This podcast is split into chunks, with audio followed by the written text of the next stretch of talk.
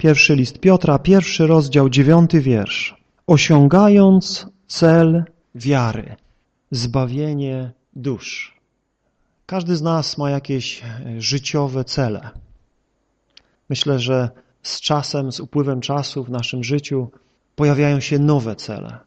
Ale jako chrześcijanie, jako ci, którzy poznali Pana Jezusa Chrystusa, zostali zrodzeni do nowego życia, mamy jeden wielki cel, który nigdy nie powinien gdzieś zostać zasłonięty przez inne cele, jakkolwiek szlachetne, jakkolwiek ważne. Apostoł Piotr pisze o celu naszej wiary. Zbawienie dusz. Ostatnio czytaliśmy z dwóch fragmentów Słowa Bożego, które pokazują nam, że niektórzy tego celu wiary nie osiągnęli. Mieli wiarę, chodzili w wierze, doświadczali w jakiejś mierze Boga, a jednak stali się rozbitkami w wierze.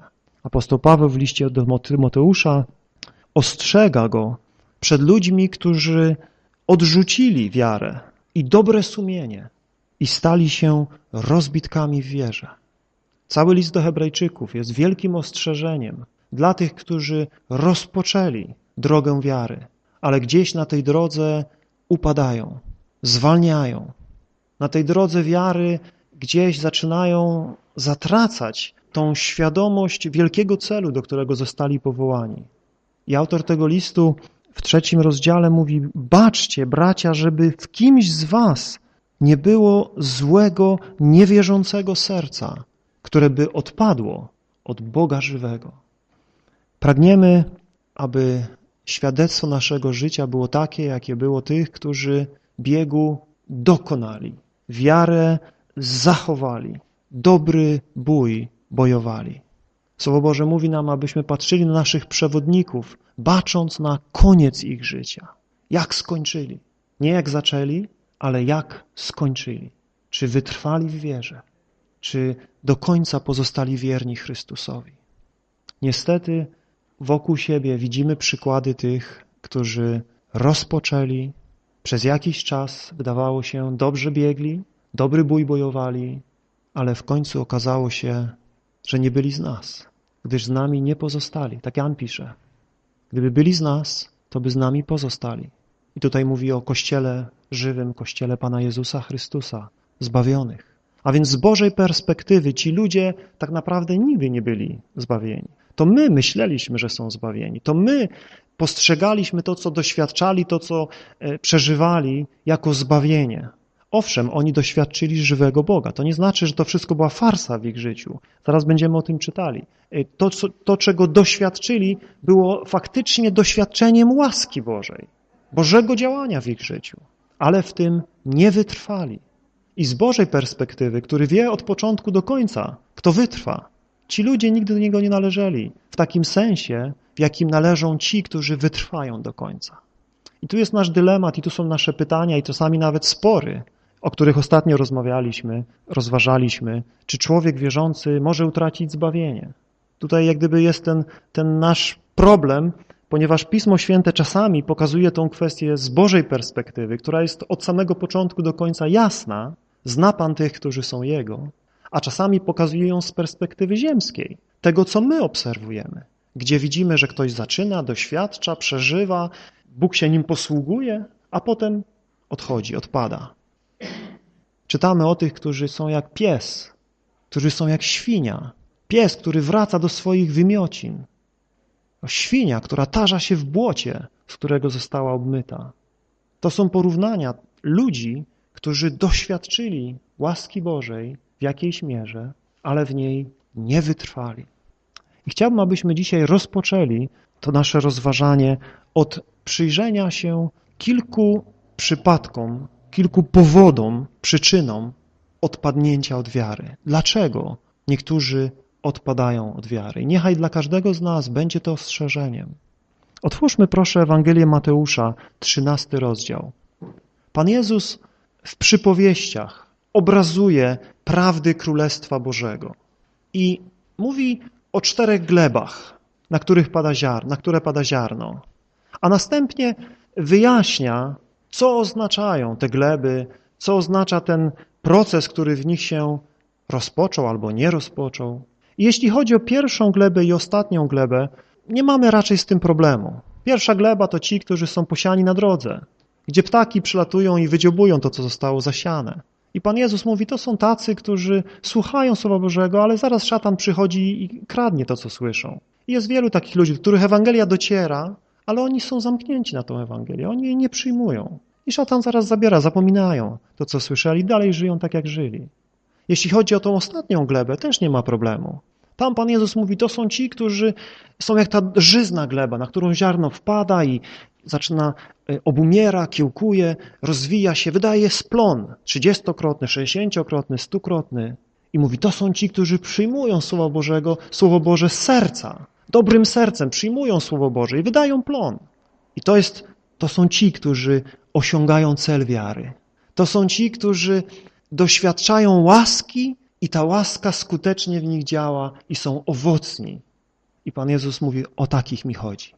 Ale są jeszcze dwie inne pomiędzy nimi gleby, które stwarzają najwięcej problemów, szczególnie dzisiaj w ewangelicznym chrześcijaństwie, gdzie tak bardzo kładziemy akcent na sam fakt nowonarodzenia, kładziemy tak mocno akcent na fakt, żeby wejść do Królestwa Bożego, a już mamy później problem, czy nie akcentujemy tak mocno, czy jak gdyby, kiedy widzimy te przypadki ludzi, którzy gdzieś tam się gubią po drodze, zachodzimy w głowę, jakże to możliwe, że oni tak dobrze się nawrócili, tak dobrze wszystko na początku zrobili, wszystko poprawnie, wszystkie A, B, C, D, wszystkie punkty zaliczyli, a potem ich nie ma. Nie mieści nam się to w głowie, dlatego że kładziemy mocny akcent na początek, a nie akcentujemy tak samo mocno całej drogi, która prowadzi do końca. Ja nie mówię, że tego my nie robimy tutaj, mam nadzieję, że to robimy, staramy się to robić, ale ogólnie mówię, w ewangelicznym chrześcijaństwie widzę dzisiaj ogromny akcent położony na kwestię, żeby się dobrze nawrócić. I znam nawet ludzi, którzy po 15-20 latach y, bycia w kościele y, trapią się i martwią się tym, że się dobrze nie nawrócili. Jak gdyby całą swoją ufność zbawienia pokładają w tym początkowym momencie, czy wtedy dobrze wszystko zrobili, czy wtedy właściwie to wszystko przebiegło w ich życiu. Jest wielu ludzi, którzy trapią się, że czegoś tam na początku nie dopełnili, ktoś coś przeoczył, ktoś coś za szybko zrobił. Ja rozumiem, że to może być problem, ale istotą życia jest mój stan dzisiaj, teraz. Czy jestem dzisiaj w Jezusie? Jeśli cokolwiek źle zostało zrobione w przeszłości, to już miałem te 10-15 lat, żeby to naprawić, żeby to zmienić, żeby cokolwiek tam uzupełnić, jeżeli coś tam ktoś źle coś zrobił. Nie obwiniać teraz swoją przeszłość i swoje jakieś doświadczenie z przeszłości, tylko przyjść do Jezusa i pozwolić Jemu naprawić, uzdrowić, uzupełnić cokolwiek zostało nie tak zrobione na początku, jeśli. Pan Jezus mówi tutaj w Ewangelii Mateusza w 13 rozdziale o tych dwóch glebach, gdzie było dobre ziarno, to samo ziarno, które padło na tą dobrą glebę i przyniosło tak wielki plon, to samo ziarno pada na grunt skalisty. I Pan Jezus w 20 wierszu wyjaśnia, co z tymi na gruncie skalistym, gdzie to ziarno zostaje przyjęte, zaczyna się rozwijać, ale w pewnym momencie usycha, ginie i nie wydaje plonu. Od 20 wiersza Pan Jezus wyjaśnia, posiany na gruncie skalistym to ten, kto słucha słowa i zaraz z radością je przyjmuje. Zwróćmy uwagę, to człowiek, który słucha i przyjmuje, zgadza się z tym, co jest mówione, akceptuje to, otwiera swoje serce na to słowo i przyjmuje je do serca. Ale czytamy dalej, nie ma w sobie korzenia. Nadto jest niestały i gdy przychodzi ucisk, lub prześladowanie dla słowa wnet się gorszy. A więc tutaj mamy człowieka, który jest, moglibyśmy powiedzieć, powierzchownym człowiekiem, który, jak dzisiaj wielu, przychodzi do Boga, słyszy dobrą nowinę o tym, że Bóg chce go ratować, że jest w niebezpieczeństwie, że jest w grzechu, że czeka go śmierć i że Jezus umarł za niego, aby go zbawić. Więc On z radością przyjmuje, cieszy się, że może być uratowany od zagłady. Pewnie już w życiu doświadczył tego kwasu grzechu w swoim, swojego serca. Pewnie już niejednokrotnie przekonał się, że nie potrafi czynić dobrze. Może chciał, może próbował tu, tam, ale nie wychodziło i wie, że coś jest nie tak z jego sercem. Do tej pory może nie wiedział, co to jest. Starał się, próbował, a teraz słyszy, że Jezus może go zbawić, Jezus go może uratować, Jezus go może wyrwać, więc z radością przyjmuje tą dobrą nowinę. Ale przychodzi czas, kiedy to zbawienie i to chodzenie za Jezusem zaczyna coś kosztować. Przychodzi czas, kiedy okazuje się, że ten Jezus, który zbawił z grzechu, z wiecznej śmierci, od Bożego Sądu, nie jest miłowany przez ten świat. I ci, którzy za Nim idą, też świat ich nie miłuje, ale ich nienawidzi. I gdy oni chcą iść za Jezusem i trzymać się nauki Jezusa i być posłusznymi Jezusowi, okazuje się, że ludziom, wielu ludziom wokół to się nie podoba. Okazuje się, że jest wielki przeciwnik, który dniem i nocą pracuje i nie śpi, aby ich zniszczyć. Zastawia pułapki, atakuje ich. Przychodzą uciski, doświadczenia, problemy albo nawet prześladowania ze strony rodziny, przyjaciół, sąsiadów, ludzi wokół. I czytamy, że taki człowiek zaczyna się gorszyć.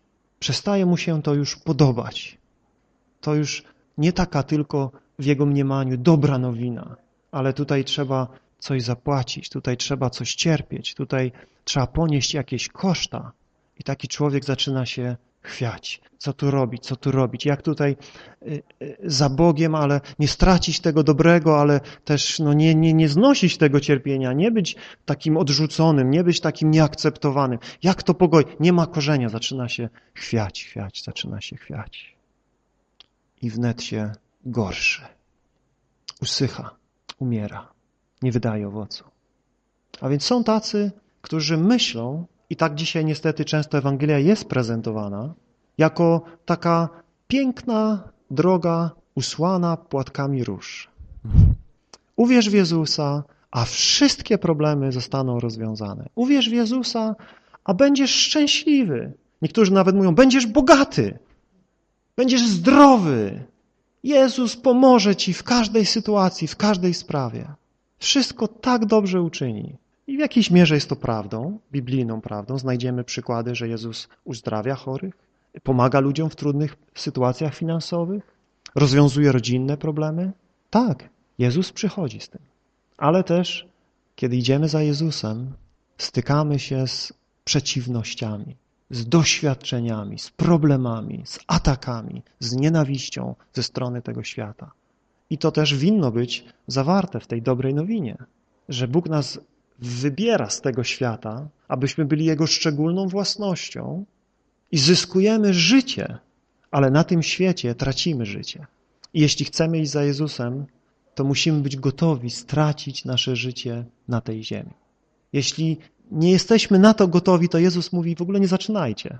W ogóle nie jesteście mnie godni, jeżeli nie, chcecie, nie jesteście gotowi umrzeć dla siebie i życia na tej ziemi. W akceptacji tego świata i podążaniu za modłą tego świata. Jezus mówi, taki człowiek, który chce tak za mną iść, nie jest mnie godzien. A wielu dzisiaj y, tak sobie jakoś to układa, że da się. Da się iść za Jezusem, być przyjacielem Boga i dobrze układać swoje życie w tym świecie i być przyjacielem świata. Jakoś dzisiaj w naszym szczególnie y, regionie świata i w nam podobnych taka Ewangelia jest prezentowana że możesz sobie dobrze żyć na tym świecie, możesz ze wszystkimi za Pan brat i możesz iść za Jezusem. Jezus mówi, jeżeli chcecie iść za mną, to wiedzcie, że świat was będzie nienawidził. I nienawiść świata jest dowodem tego, że idziemy za Jezusem. Jeśli Słowo Boże mówi, jeżeli wszyscy o was dobrze mówią, to nie uważajcie, że jest to, to jest znakiem waszej wiary i pobożności. Biada wam, jeżeli wszyscy dobrze o was mówić będą.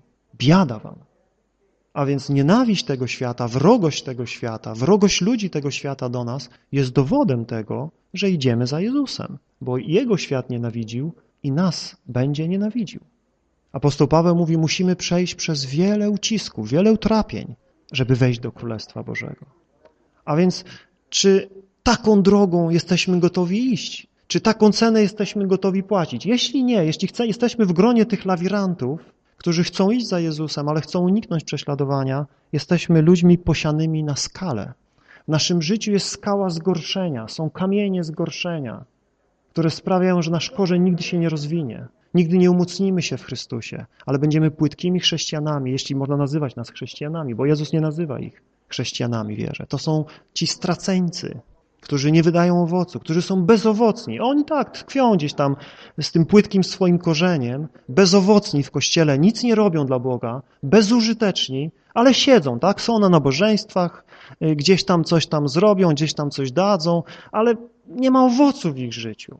Owocu sprawiedliwości, owocu podobieństwa do Jezusa. Tego nie ma. Po prostu są ławkowcami w kościele. Nie wydają owocu. Biada rozbitkowy w wierze. Jeśli chcemy iść za Jezusem, to wiedzmy, że w tym świecie będziemy mieli wiele problemów, wiele ucisków, ale ze wszystkich nas Pan wyrwie, jeśli Jemu ufać będziemy. W tych problemach, w tych uciskach, w tych doświadczeniach On objawi się nam jako nasz Zbawiciel. Nie tylko na początku, kiedy nas wyrwał z tego świata, ale w tych wszystkich doświadczeniach możemy przeżyć na nowo Jego zbawienie, Jego ratunek, Jego pomoc że nas przeprowadzi, że nas ochroni, że nas zachowa. A kiedy przyjdzie nas dzień, zabierze nas z tego świata. Musimy być na to gotowi.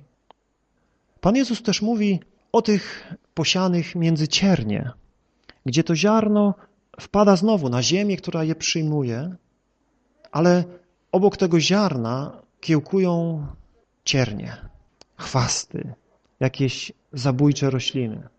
I chociaż to ziarno przez jakiś czas się rozwija, przez jakiś czas ta roślinka z tego ziarna się rozwija i rośnie, te chwasty zaduszają je i znowu nie wydaje owocu. I Pan Jezus wyjaśnia, że posiany między ciernie to ten, który słucha słowa, ale umiłowanie tego świata i ułuda bogactwa zaduszają słowo i plonu nie wydaje. A więc tutaj nie jest kwestia jakichś nacisków, jakichś prześladowań, jakichś problemów ze strony świata. Tu jest jakaś inna miłość w sercu. Tu jest miłość do Boga, przyjęcie słowa, akceptowanie słowa, ale jednocześnie jest też umiłowanie bogactwa, wygodnego, przyjemnego życia na tej ziemi. I czytamy, że jeśli takie serce podzielone jest w człowieku, że człowiek z jednej strony akceptuje słowo, ale z drugiej strony wciąż szuka satysfakcji, wciąż szuka zadowolenia w rzeczach tego świata. I jego życie jest gonitwą za trendami tego świata, za modłą tego świata, zadowoleniem, które ten świat twierdzi, że ma do zaoferowania. Czytamy, że to ma zabójczą moc na to słowo, które przychodzi do serca. Możesz słuchać tego słowa, możesz przyjmować to słowo, ale ta miłość w twoim sercu do tego świata i rzeczy tego świata zadusi to słowo, stłamsi je w twoim życiu. Ono nie sprawi, że będziesz człowiekiem owocnym. Ono zginie. Pan Jezus mówi o tym, że nie można służyć dwom Panom. Nie można. Nie można służyć dwom Panom. Bogu i szatanowi. Tak? Nie. Zauważcie, że Pan Jezus mówi, Bogu i mamonie. Dlaczego nie powiedział szatanowi? Ja myślałbym, że to raczej Bóg tego świata to szatan, że nie można Bogu i szatanowi służyć. No to zbyt oczywiste. Pan Jezus mówi, nie można służyć Bogu i mamonie. Co to jest mamona? Mamona to wszystko, co można zdobyć za pieniądze. Wszystko, co można osiągnąć za pieniądze. Wszystko to, co wiąże się z pieniądzem. Za pieniądze można wiele rzeczy zdobyć. Można wiele rzeczy kupić. Przecież wszyscy potrzebujemy pieniędzy do życia, tak? Musimy zarabiać, musimy opłacić rachunki, coś kupić do jedzenia, ubrać się. Rozmawiałem ostatnio z takim bratem, y, który pracuje w Niemczech i mówi tak, wszyscy bracia w kościele w Niemczech tak mówią, musimy pracować po 12-16 godzin dziennie, bo jest napisane, kto nie pracuje, niechaj nie je trzy razy do roku mówi wyjechać na wczasy za tysiąc euro na głowę, co cztery lata kupić nowy samochód. I oni w ten sposób te biblijne, y, ten biblijny nakaz y, po prostu wypełniają. Harują od rana do nocy i w ten sposób służą Panu Bogu. Mówi, że jak wraca z roboty, to jest tak zmęczony, mówi, że nawet do Biblii nie jest w stanie zajrzeć, jest tak zacharowany. I mówi, jakoś nie bardzo umie to połączyć z tymi wierszami, z którymi oni to łączą. Apostoł Paweł w liście do Tymoteusza, ostrzegając przed tą ułudą bogactwa, mówi, jeżeli mamy wyżywienie i odzież, poprzestawajmy na tym. Jakże to nie dzisiejszo brzmi. Przecież jeszcze muszę nowy komputer kupić, nową komórkę, szybszy internet mieć, nową sukienkę. To też odzież. Amen. Paweł mówi, ci, którzy chcą być bogaci, tu jest problem. Ci, którzy chcą być bogaci, wpadają w pokuszenia i w sidła i w liczne, bezsensowne i szkodliwe porządliwości, które pogrążają ludzi w zgubę i zatracenie. Albowiem korzeniem wszelkiego zła jest miłość pieniędzy. I teraz zwróćcie uwagę, co apostoł Paweł dodaje. Mówi, niektórzy, ulegając jej, tej miłości pieniędzy, zboczyli z drogi wiary. To znaczy, że byli na drodze wiary, to znaczy, że uchwycili się Jezusa, polegali na Jezusie, ale ta miłość więcej i więcej i więcej. Chcę być bogaty. Chcę, chcę, żeby było mnie stać na to, co na co sąsiada stać i tamtego stać i tego. I nie wystarczy mi tylko to, że mam gdzie mieszkać i mam co jeść i mam się w co ubrać, ale jeszcze muszę mieć to, jeszcze muszę mieć tamto. Muszę, muszę, muszę, muszę. Paweł mówi, to jest droga y, porządliwości, pokuszenia, sideł, licznych, bezsensownych i szkodliwych porządliwości, które pogrążają ludzi w zgubę i zatracenie. I niektórzy nawet zboczyli z drogi wiary i uwikłali się sami w przeróżne cierpienia. A więc jest to poważna sprawa, bracia i siostry, i musimy dzisiaj w tym wieku gonitwy za pieniądzem, wmawiania nam przez ten świat, że musimy mieć to i musimy mieć tamto i musimy sobie pozwolić na to, a jak nie, to jesteśmy tacy nieszczęśliwi, że ten ma czy tamten ma i patrzymy na, na ludzi wokół, może nawet braci i siostry, którzy mają więcej od nas i tacy czujemy się niedowartościowani, tacy czujemy się niezadowoleni, nieusatysfakcjonowani, że nas na to nie stać i jeszcze myślimy, jak tu jeszcze dorobić, jak tu jeszcze więcej i więcej i więcej. To jest droga, która może cię zaprowadzić na, na twoje własne zatracenie. Oczywiście musimy pracować. Tak, Słowo Boże mówi, kto nie pracuje, niechaj nie. Mamy pracować, mamy się utrzymywać, mamy wspierać innych słabszych, pomagać. Nie mamy być ludźmi, którzy tylko czekają, żeby im dali. Nie mamy pracować. Ale naprawdę y, zastanówmy się niejednokrotnie, czy musimy aż tyle pracować. Zastanówmy się, czy y, ta nasza gonitwa nie jest gonitwą za tym, za czym goni ten świat. Czy przypadkiem nie jesteśmy w gronie tych, którzy pozwalają, aby te ciernie, ułudy bogactwa tego świata, tych ziemskich dostatków wyrastały w naszym życiu i zaduszały to słowo, ono znowu nie może się wtedy rozwijać. Nie ma szansy, abyśmy goniąc za pieniądzem, goniąc za tymi rzeczami, pokładając naszą ufność w tym, ile posiadamy, mogli służyć Bogu takim sercem. Czytamy, że ta chciwość jest czym? Bałwochwalstwem. Tak, chciwość to jest bałwochwalstwo. Współczesne bałwochwalstwo. I, ta, I to bałwochwalstwo jest w wielu kościołach tolerowane. Nawet pochwalane, nawet zachęcane. Miłość pieniądza. Musimy zastanowić się, czy nasz, tych z nas, i wiem, że to nie wszystkich was dotyczy, ale tych z nas, którzy mamy możliwości zarobić więcej, czy to jest bezpieczne, co robię? Czy rzeczywiście to pozwala mi służyć Bogu? Czy to rzeczywiście pozwala mi być skoncentrowanym na tym celu wiary?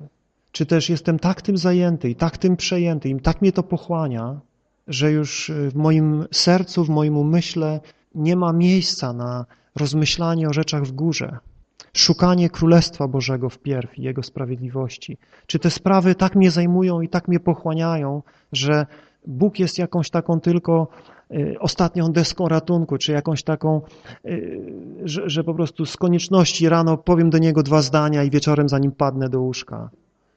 Czy rzeczywiście mam czas, by służyć Bogu? Czy szukam tego, Boże, co mogę robić w Twoim królestwie? Bo to o co chodzi z tym owocem, o który, którego Pan Jezus szuka? Co to jest ten owoc?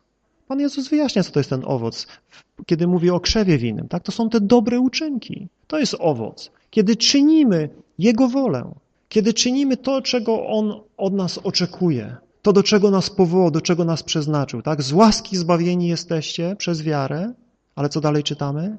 Powołani do dobrych uczynków, do których powołał nas Bóg, abyśmy w nich chodzili. I to jest ważne, żebyśmy wiedzieli, że Bóg powołał nas do dobrych uczynków. To jest owoc, którego On szuka. To są nasze dobre uczynki.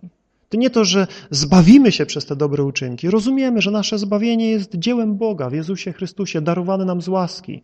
Ale jeśli chcemy wytrwać na tej drodze zbawienia, jeżeli chcemy wytrwać, to trzymamy się Jezusa w taki sposób, że to sprawia, że nasze życie jest pełne dobrych uczynków. I jeśli nie ma tych dobrych uczynków, to zwodzimy sami siebie. Oszukujemy się. Nie ma w nas prawdy. Mamy po prostu jakieś przeżycie z przeszłości, które już dawno zgasło, które już dawno umarło, które zostało zaduszone w naszym życiu. Jakaś inna miłość jest w naszym sercu, jakieś inne bóstwa rządzą nami, wokół których kręci się nasze życie i dlatego nie wydajemy owocu. Jeśli Jezus jest naszym Bogiem, jeśli wokół Niego kręci się nasze życie, jeśli na Nim zasadza się nasze życie, Pan Jezus mówi, jeśli we mnie trwać będziecie, to co? Będziecie pełni owocu, tak?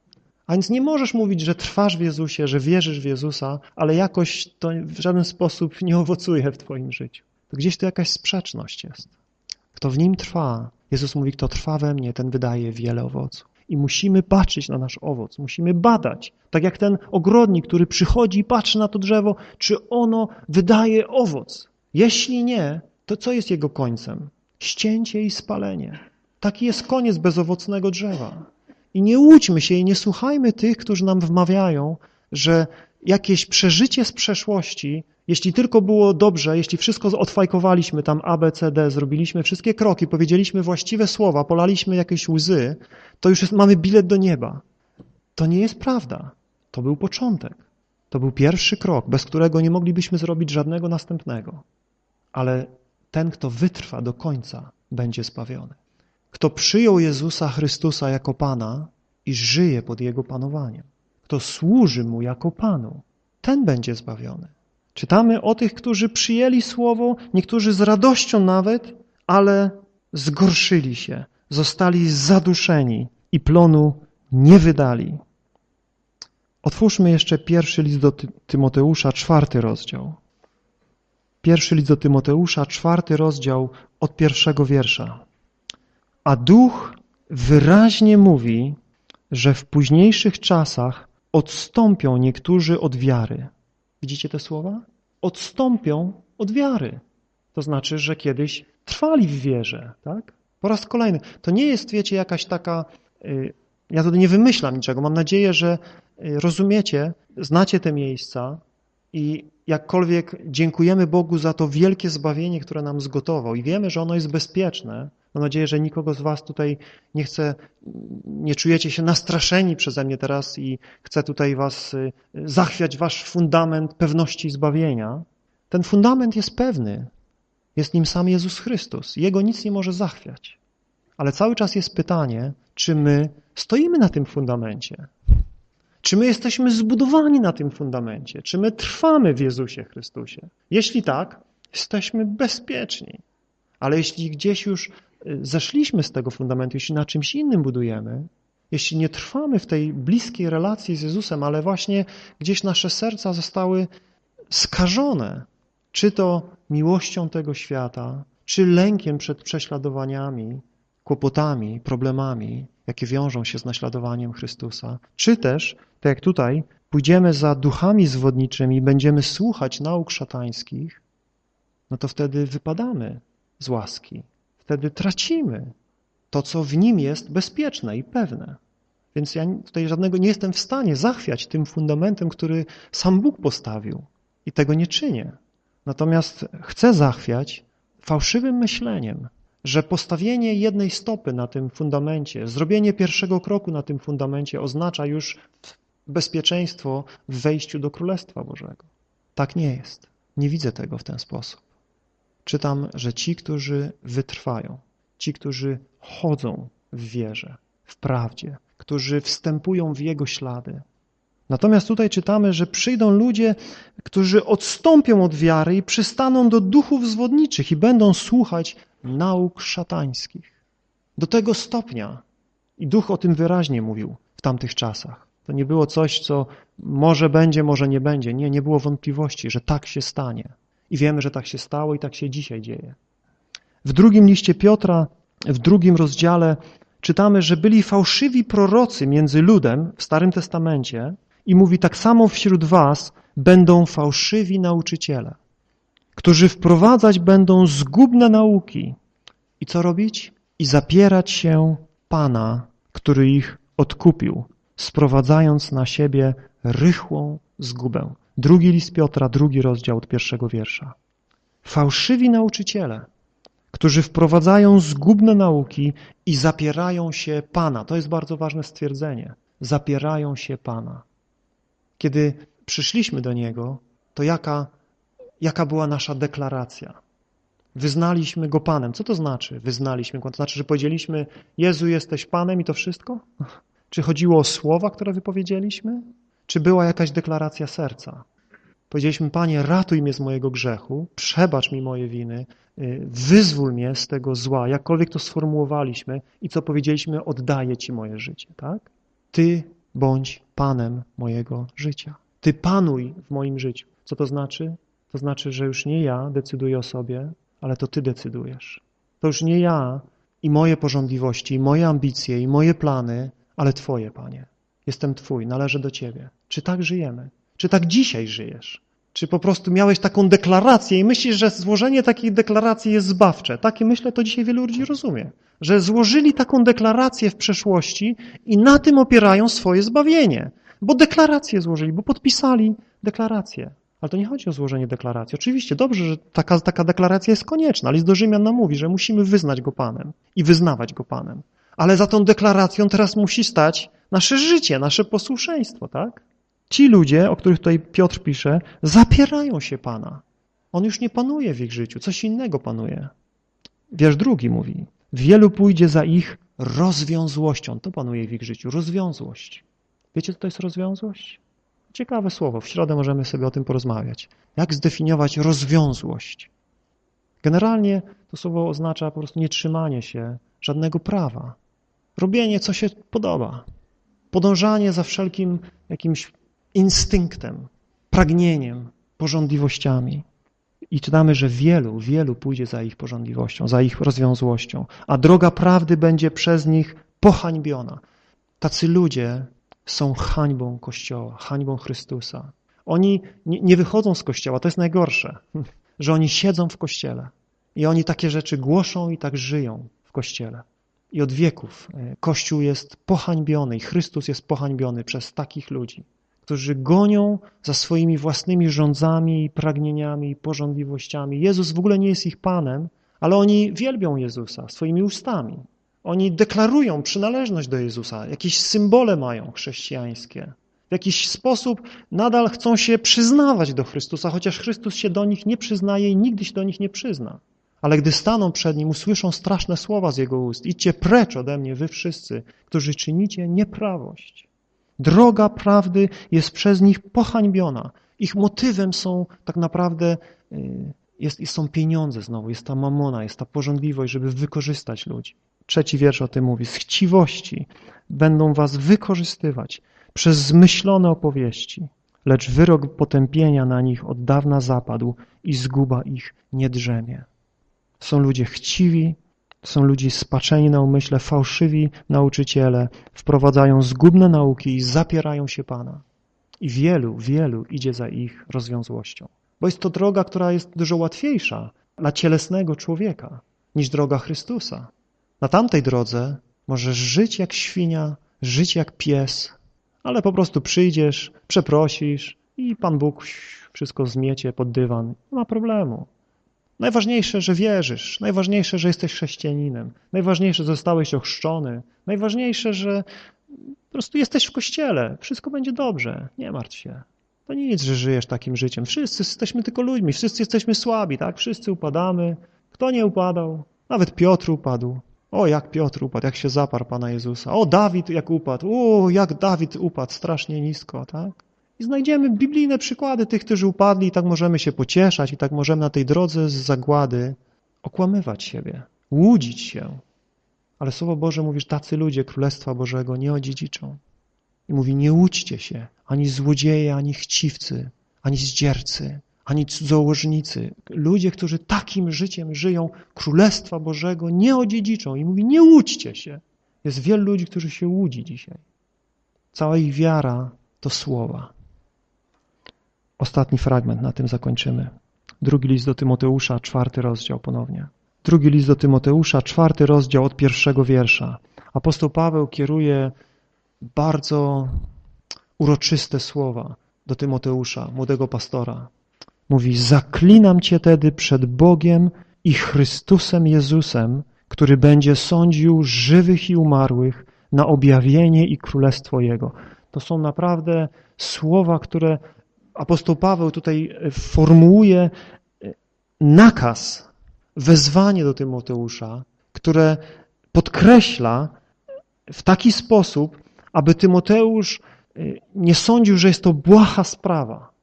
I my, kiedy czytamy te słowa, wyobraźcie sobie bliskiego śmierci apostoła, który wiernie służył Jezusowi, który wiele wycierpiał i który do ciebie i do mnie kieruje takie słowo, zaklinam cię. Już samo to wyrażenie już dla mnie jest poważne. Zaklinam cię. Nie tylko wzywam, nie tylko napominam, nie tylko y, nakazuję ci, ale zaklinam cię przed Bogiem i Chrystusem Jezusem. To, co ci mówię, jest przed Bogiem i Chrystusem Jezusem, który będzie sądził żywych umarłych. Pamiętaj, że to jest sprawa sądu, to, o czym chcę ci powiedzieć. Staniesz przed sądem i na Jego sąd, przypominam ci, na objawienie Jego Królestwa. Co mówi? Głoś Słowo. Bądź w pogotowiu w każdy czas, dogodny czy niedogodny. Karć, grom, napominaj z wszelką cierpliwością i pouczaniem, albowiem przyjdzie czas, że zdrowej nauki nie ścierpią, ale według swoich upodobań. Tu jest powód, dla których ludzie słuchają tych zwodzicieli.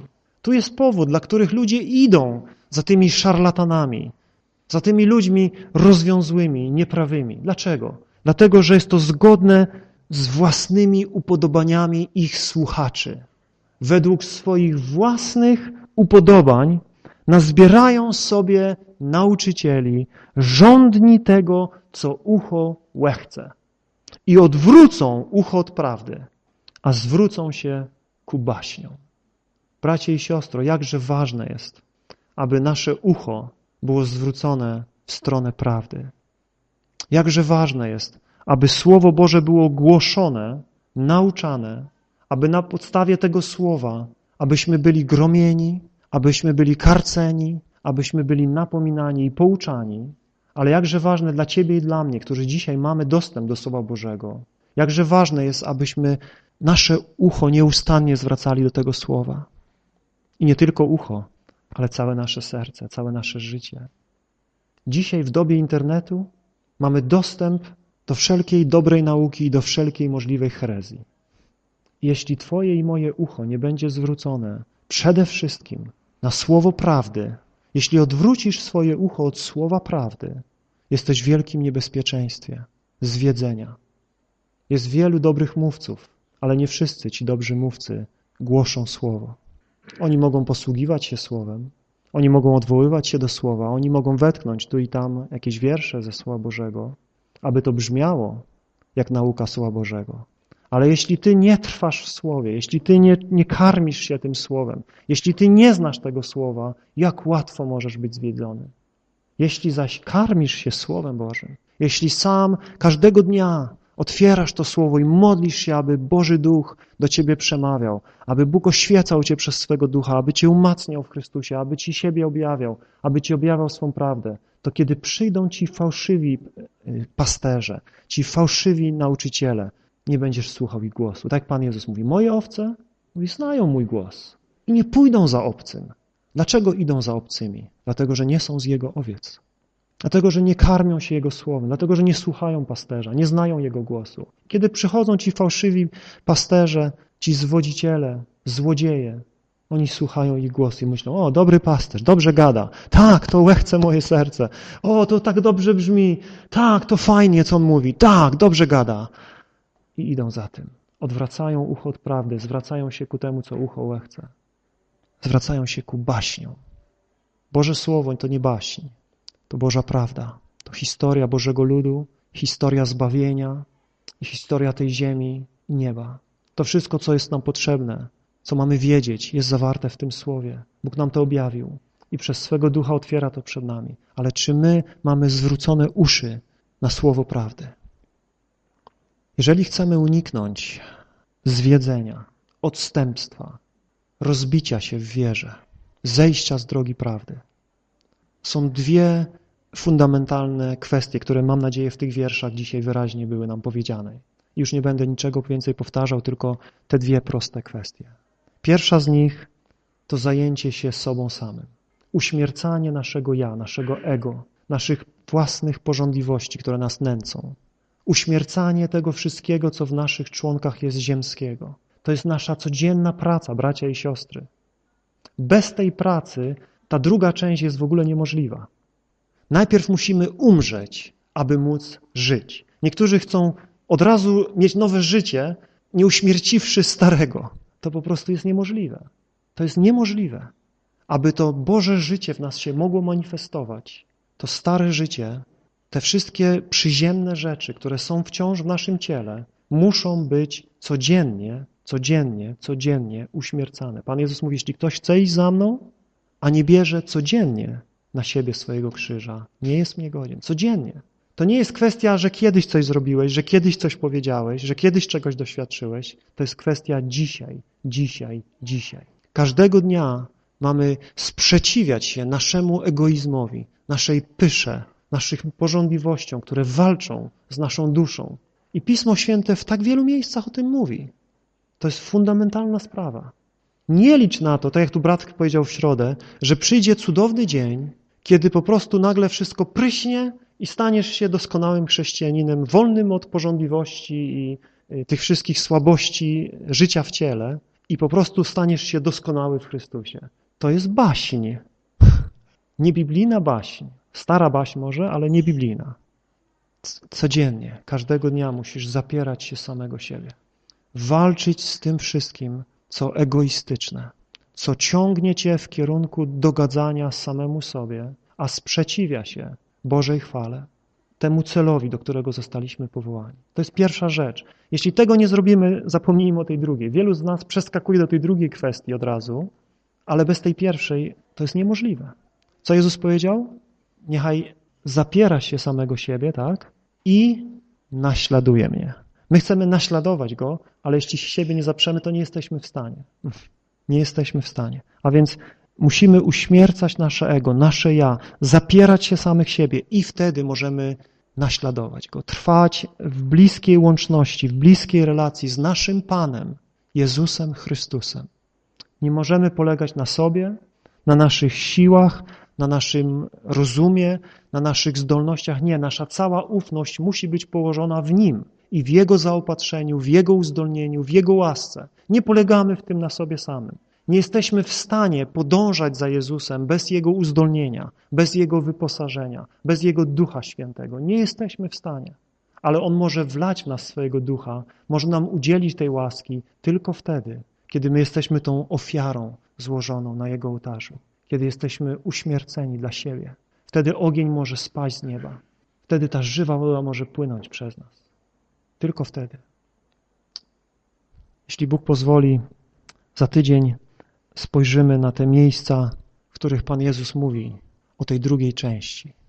Dzisiaj poświęciliśmy głównie czas na, na tą pierwszą. Jakże ważne jest, abyśmy wiedzieli i pamiętali, i przypominali sobie nieustannie, jakie bogactwo jest naszym udziałem w Jezusie Chrystusie. Jakie możliwości dla tych, którzy są złożeni na ołtarzu.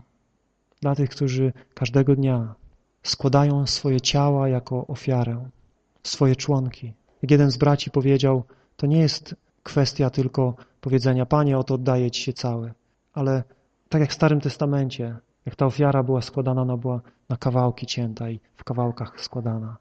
Ty myślę, jakiś obraz jest i dla nas, że Panie, moje oczy są Twoimi oczami. Nie chcę patrzeć na to, na co Ty nie chcesz patrzeć, ale chcę patrzeć tylko na to, na co Ty patrzysz. Moje uszy są Twoje, Panie. Nie chcę słuchać niczego, czego Ty nie chcesz słuchać ale chcę słuchać tylko tego, co Ty chcesz, żebym słuchał. Moje nogi to Twoje nogi. Nie chcę iść nigdzie tam, gdzie Ty nie chcesz, abym szedł, ale chcę tam iść, gdzie Ty idziesz. Moje ręce to Twoje ręce, Panie. Chcę tylko tymi rękami robić to, co Ty chcesz, abym robił. Niczego nie dotykać, czego Ty byś nie dotknął. Moje serce oddaję Tobie i nie chcę, aby tam były jakieś złe myśli, jakiekolwiek rzeczy, które nie ma, których nie ma w Twoim sercu, ale chcę, żeby było tak jak Twoje serce. Każdego dnia dedykujemy się Jemu i powierzamy się Jemu, składamy siebie na ofiarę, aby On panował w nas wszystkich, w nas, w każdej jednej sferze, w całym naszym życiu. Powstańmy proszę do modlitwy. Prosimy, kochany Panie, byś przez Ducha Twojego Świętego dał nam wejrzenie w Twe Słowo, zrozumienie tego, co Ty do nas mówisz. Daj nam objawienie Twojej prawdy i daj nam łaskę, byśmy nie zlekceważyli tego, co do nas mówisz. Nie zlekceważyli tego, co nam objawiasz. Nie zlekceważyli tak wielkiego zbawienia. Czekają nas próby, czekają nas doświadczenia, czekają nas prześladowania, zmagania. Ale jakąż jest to ceną za życie, które mamy, za cel, który mamy, za to wielkie zbawienie, którego nam dałeś łaskę stać się uczestnikami. Jaka jest alternatywa dla nas, drogi Panie? Wieczny żal, wieczna śmierć, wieczne oddzielenie od Twojej chwały, udział ze skalanymi, z niewierzącymi, wieczność bez Ciebie.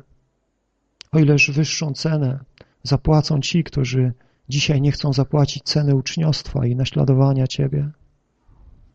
Przemawiaj do nas, drogi Panie, i daj nam serca uniżone przed Tobą, obyśmy byli jak ta gleba, żyzna, dobra, która przyjmuje Twe słowo i wydaje owoc trzydziestokrotny, sześćdziesięciokrotny, stukrotny. Oby nikt z nas nie okazał się bezowocnym drzewem, oby nikt z nas nie okazał się suchym, suchą latoroślą bez owocu, oby nikt z nas nie okazał się w gronie zwiedzionych, oszukujących samych siebie, tak jak przyjęliśmy Ciebie za Pana, tak też z Tobą chcemy chodzić pod Twoim panowaniem, umierając każdego dnia, aby Twoje życie mogło się w nas objawiać. Amen.